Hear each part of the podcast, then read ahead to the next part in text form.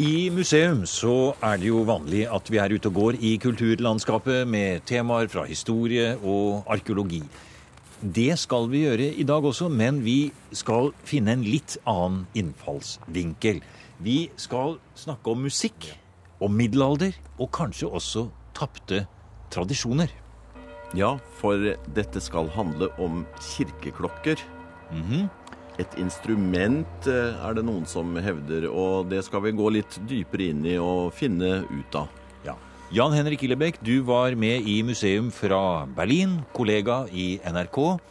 I dag skal du altså ta oss med inn i nær sagt musikkhistoriens eh, verden. Hvor er det vi skal i museum i dag? Vi skal til en kirke. Vi skal opp i et eh, klokketårn. Vi skal høre musikk. Vi skal til Valdres.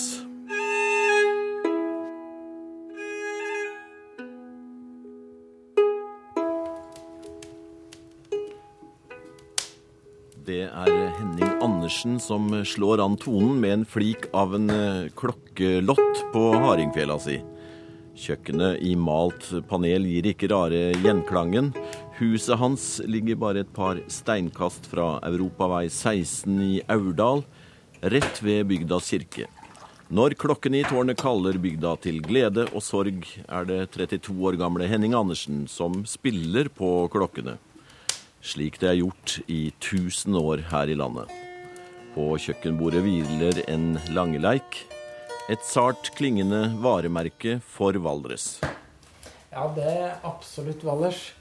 Langleiken den har nok kanskje en gang vært utbreid over store deler av i alle fall Skandinavia. Og slektninger i andre europeiske land med. Men så har tradisjonen døyd ut, og denne langleiken, altså dette instrumentet, har holdt seg levende her i Valdres fram til i dag. Og, og nå opplever en veldig til renessanse. Nå er i perioder så langleiken mer populært enn piano i musikkskole. Så det er veldig moro. Men eh, klangen der er heller ikke så veldig ulikt eh, kirkeklokker. Nei, eh, du kan si det, for det, langleiken er jo stemt slik at du, eh, du har bare én melodistreng. Du har da åtte andre strenger som klinger med.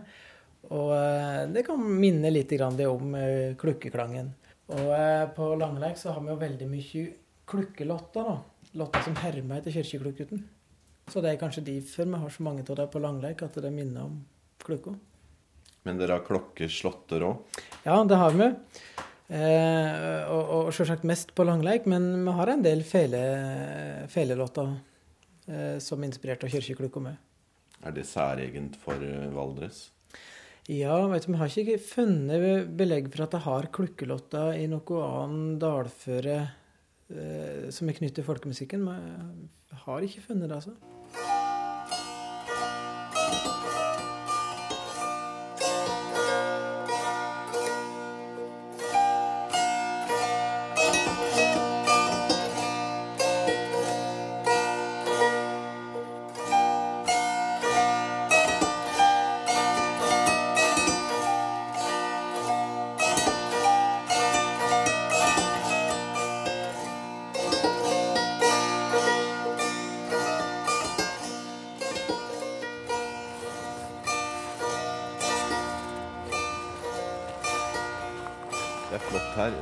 Kjørte i går kveld, det var mørkt fra Bagn, og der løfter jo dalen seg opp.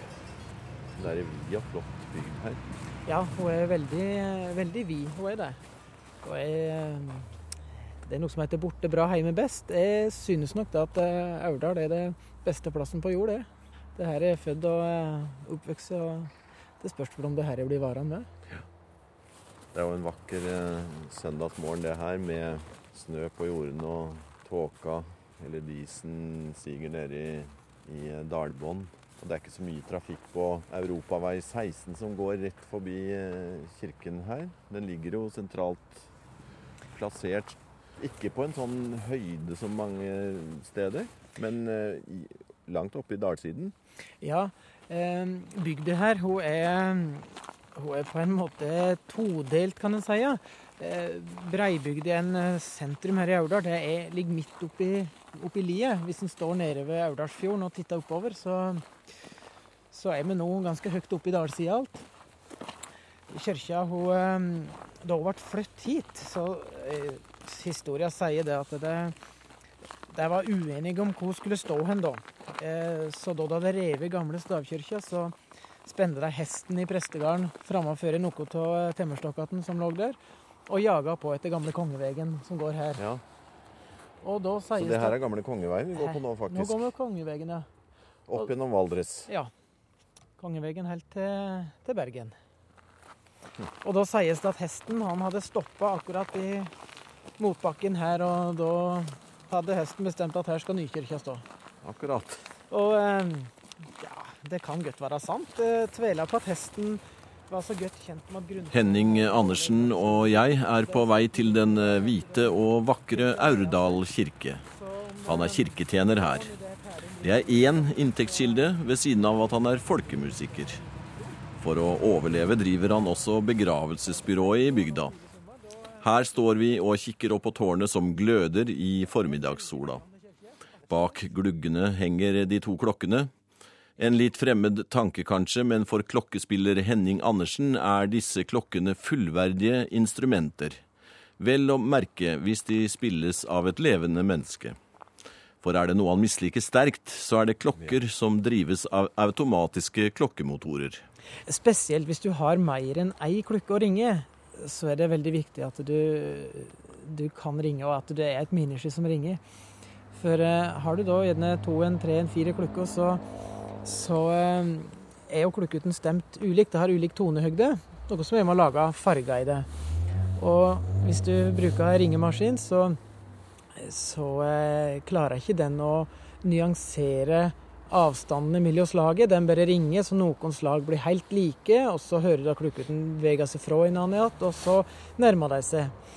Men når du ringer manuelt, eh, så, så kan du styre klukkuten slik at du får deg til å ringe akkurat med annethvert slag, og så hvis du vil frambringe andre farger, så bremser du den ene, slik at slaget kommer nesten litt slik, eh, holdt på å si, 70-30. eh, 80-20 og kanskje opp, helt opp i 90-10 før en liksom går ifra hverandre og, og, og slår jevne annethvert slag. Og det, da er det tydelig et, et instrument. Den første kristne kirke sin benyttelse av kirkeklokka, så, så var jo kirkeklokketen det var, var Guds reis til minneskytten på jorden. Kirkeklokketen de eh, skulle kalle folk til kirka, samle dem, og det skulle minne, minne om Gud. Eh, de ble eh, brukt til, til å rense. Rense luftet, på samme måte som røykjelsen er med på å gjøre det. Når det skulle graves grav, så skulle gjerne ei av de mindre klokkene brukes til å, å ringe før gravet ble åpna. Og eh, i den katolske kirke i dag så brukes kirkeklokketen under forvandlinger av brød og vin under nattverden. Det er jo noe som den eh, kirka vår ikke bruker seg av. Og eh, vi vet at når eh, presten i gammel tid skulle ut i et sognebud, og, så hadde han med ofte med seg klukka, ei lita klukke, da og ringte. Og eh, vi har veldig mye segner som forteller her i Valdres at eh, folk er blitt bergtakne Blitt taket inn i, i berget av Haugaty og de som bodde der. Og for å få dem ut igjen, så lot en ofte ringe med ei kirkeklokke da, for at berget skulle åpne seg og folk komme ut igjen. Så eh, vi hører om, og, og, kan eh, se det i eh, presten sine notat, at det, han har hatt med seg kirkeklokka ut for å vigsle en plass, eller for å oppheve trølldom. Eh, samtidig så, mot slutten av middelalderen så, så ble nok ikke kirkeklokketen så spennende som det ei tid hadde vært. I den gamle kirka så var det veldig ofte flere klukker. og klokketen hadde trolig ulike funksjoner. Eh, mange prata om klokketen i øst og i vest. Østklukkuten var som regel i nærheten av alteret. Og i første perioder som klukkuten ble brukt, så var det en presten som ringte. Spesielt da under forvandlingen av brød og vin. Um, Seinere så ble klukkuten større, og de ble da gjerne hengt oppå taket og slik, med et tøg ned, slik at presten kunne ringe. Det var fordi at folk rundt omkring i byene og i bygdene skulle følge med på hvor langt det var kommet i messa, når brød skulle forvandles til legeme og, og slike ting. Klukkuten i vest det var gjerne noe som hang i, i en, en stupul, altså et frittstående klukketårn. De klukkutene hadde kanskje ofte en mer kommunikativ funksjon. De skulle da eh, varsle soloppgang og solnedgang. De skulle varsle at nå begynner messa. De ringte ikke bare til messa, men til de ulike tidebønnene. Og kirkeklokkuten der ringte med for å varsle krig og ulykker, branner, katastrofer, enn bare for å samle folk, for nå var det noe viktig som skulle kunngjøres. Her i, eh, her i landet så tenker jeg liksom ofte når jeg reiser forbi ei kirke, at det tror om det er noen hjemme her. Det handler om at det, jeg, har, jeg, har, lyst til å høre klukkeklang. Og eh, i, i, i gammel tid, i, i byene, så var det jo slik at eh, det var en vekter som, som hadde som arbeid å gå opp i tårnet og, og ringe for å varsle tida på døgnet. Seinere, så uh, utover 1300- og 1400-tallet, så laga de seg anordninger som De fikk jo laga tårnur. Og etter kort så klarte de tårnuret å, å, slå et slag på klokka da, for å markere tida. Og etter kort så ble det ikke bare ei klokke som, som ringte, men de utstyrte kanskje disse tårnurene sine med tre-fire fem klukker som spilte en bitte liten melodi, slik at folk skulle på en måte vakne opp for å kunne høre etter hvor mange slag som kom. Og eh, så Slik sett så kan en si at kirkeklukkuten de, de, har vært veldig viktige i folks bevissthet. De har, eh, de har vært holdt på å si, pulsen. De som har eh, Haldus i, i, i live, de ringte om morgenen og sa at nå begynner arbeidsdagen. De ringte sola opp. De varsla tida. De eh, ringte når arbeidsdagen var over og sol gikk ned. De ringte for folk som fant veien til kirka i, i glede, enten det var til, i barnedåpen, det var vigsel. Og de ringte med når slettene skrøtta ble båret gjennom kirkeleiet og skulle gravlegges. Så kirkeklokkuten har, har, på en måte ringt seg inn i sinnet på oss. Kirkeklokkuten er der. De har bare støtt vært der. Og eh, Det er det jeg ofte da tenker når jeg går forbi spesielt eh, i, i byene her til lands. At det eh, Han hører ikke klokkuten. Ikke melodier, ingenting. Det, da tenker jeg at her er det ikke folk hjemme.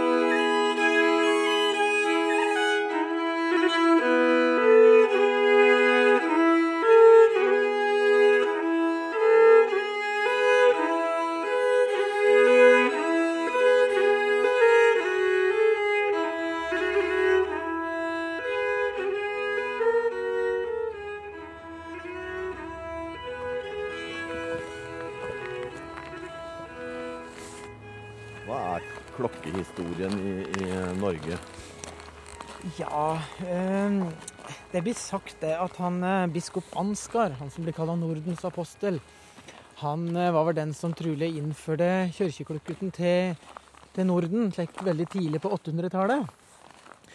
Men eh, vi veit jo det at eh, kelterne de var flinke bronsestøypere. For kirkeklokka er jo støypt av ei legering av eh, køper og, og, og, tinn. Det er bronseklokke. Du vet ikke hvor den første klokka klang? Nei, det er umulig å si. Men de eh, mener jo det at eh, det er Asia da, som er vegga for klukkestøypinger. Og den eldste bevara bronseklukka som fins, den, den er vel tippa til å være borti 5000 år gammel. Og eh, Så den eh, har muligens kommet kommet østa til, da. Men her i landet, er, hvor finner vi den eldste klokka? Det er ei veldig gammel klokke i, eh, i, i Granvin kirke. Det er ei såkalla bikubeklukke. Hun har fasong som ei, ei bikube. Hun er nesten like høy som hun er, hun, er- hun er stor i, i munningen. Og eh, det er av de første og eldste typene. Og da kan vi kanskje prate om 1000 ja, 1000-tallet. 1100. Det er veldig vanskelig å si. Ellers så her i eh, Valdres har vi ja, borti 20 middelalderklukker. Og det er ifra eh, slutten av 1100 til, til 1300-tallet. Og det er i bruk. De er i daglig bruk. Eh, heldigvis, kan en si. For det er noe med når kirkeklokken ringer, og har ringt der i 1000 år, så, så har de ei historie å fortelle. Samtidig så eh, må en være forsiktig med det, for det er jo moro at de får eh, være i live. At de får eh, være hele og ikke være sprøkne. For de kan gå i stykker. Ja, det er klart de kan det. Men det var altså her eh, oppe i tårnet du hadde din skjellsettende opplevelse. Ja, det var det. Da var du ikke gammel. Nei, eh, jeg var vel en eh, rundt ja, mellom åtte og ti år, tenker jeg. Da jeg fikk prate ved kirketjeneren, og han tok med meg på ei omvisning. Og etter det så var det gjort. Ja, det var, det var ganske enormt. Det som var det var veldig moro, det var å, å, å selvsagt snirkle seg opp den bratte, gamle troppet og vite at her hadde folk ganget i 250 år før jeg med. Og komme da opp i tårnet og, og se denne klukka som jeg syns var skrekkelig stor den gangen. Eh, og, og når han dro den i gang og fikk høre henne og, og visste at dette var den samme klangen som eh, mine forfedre hadde hørt da i, i over 200 år. Eh, og det var liksom dette med denne tidsmaskinen, da, at du om ikke får komme helt tilbake, så får vi i hvert fall klangen. De hørte disse som vandra her. Og, og denne klukka der hun hadde jo da ringt til sorg og glede i, i nesten 250 år. Og, og det, var en, det var veldig spesielt å, å få stå oppi der da, altså. Og den klangen er fortsatt uh, i det. Ja, det er jo. For når jeg står oppi tårnet og ringer, så, så veldig ofte så får jeg sneven av den samme følelsen som da jeg som liten guttunge sto oppi der og fikk høre klukken første gangen. Jeg tar på oss jakka når jeg skal opp i tårnet, for det er kaldt og trekkfullt. Ja, Det er ikke noe fyring der, nei. Nei, det, det har vi ikke råd Varmen ikke skal jo gå opp, men uh, en, det er vel en grense. Ja, det, det er det. Du får ikke fyre for kråka.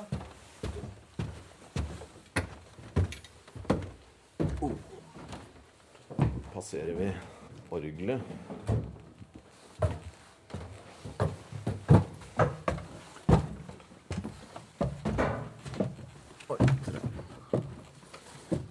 Bratt.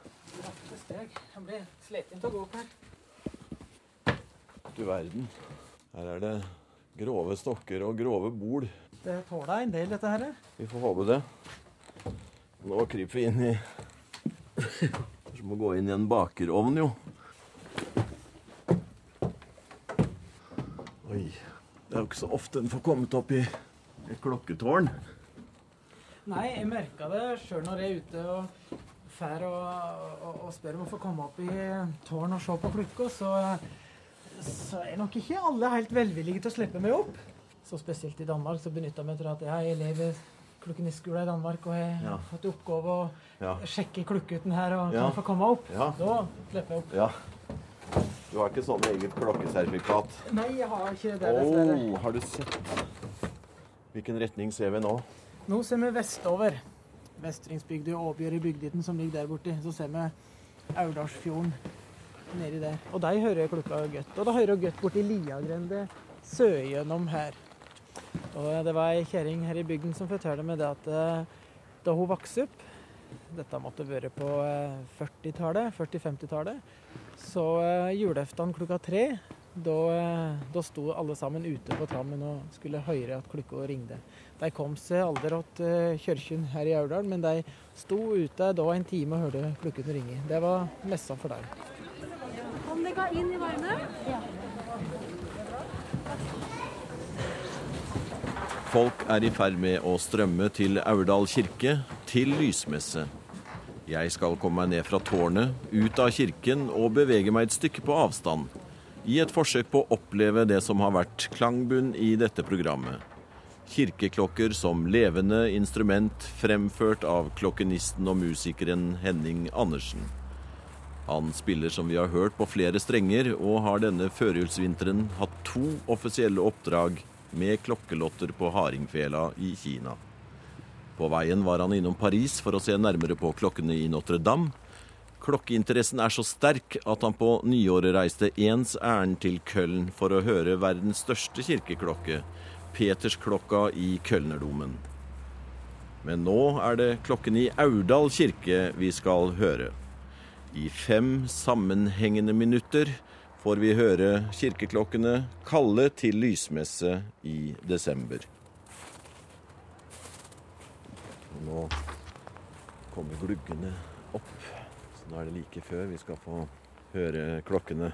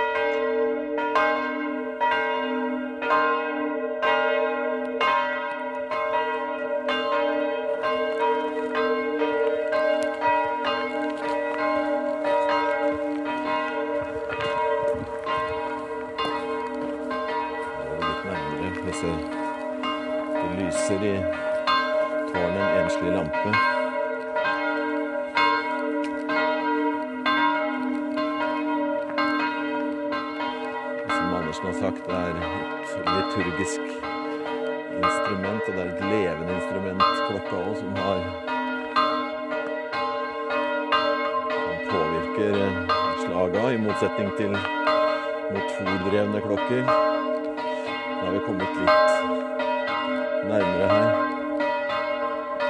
Vi ser klokkene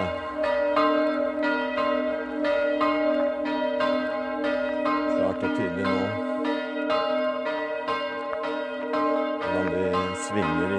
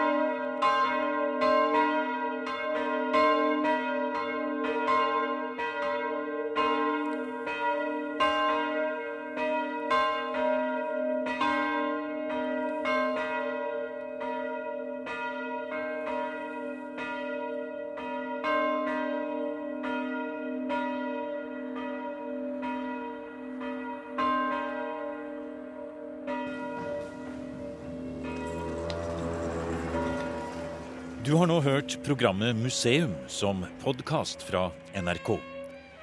Museum sendes i NRK P2 på lørdager og søndager. Du finner flere programmer på nrk.no podkast.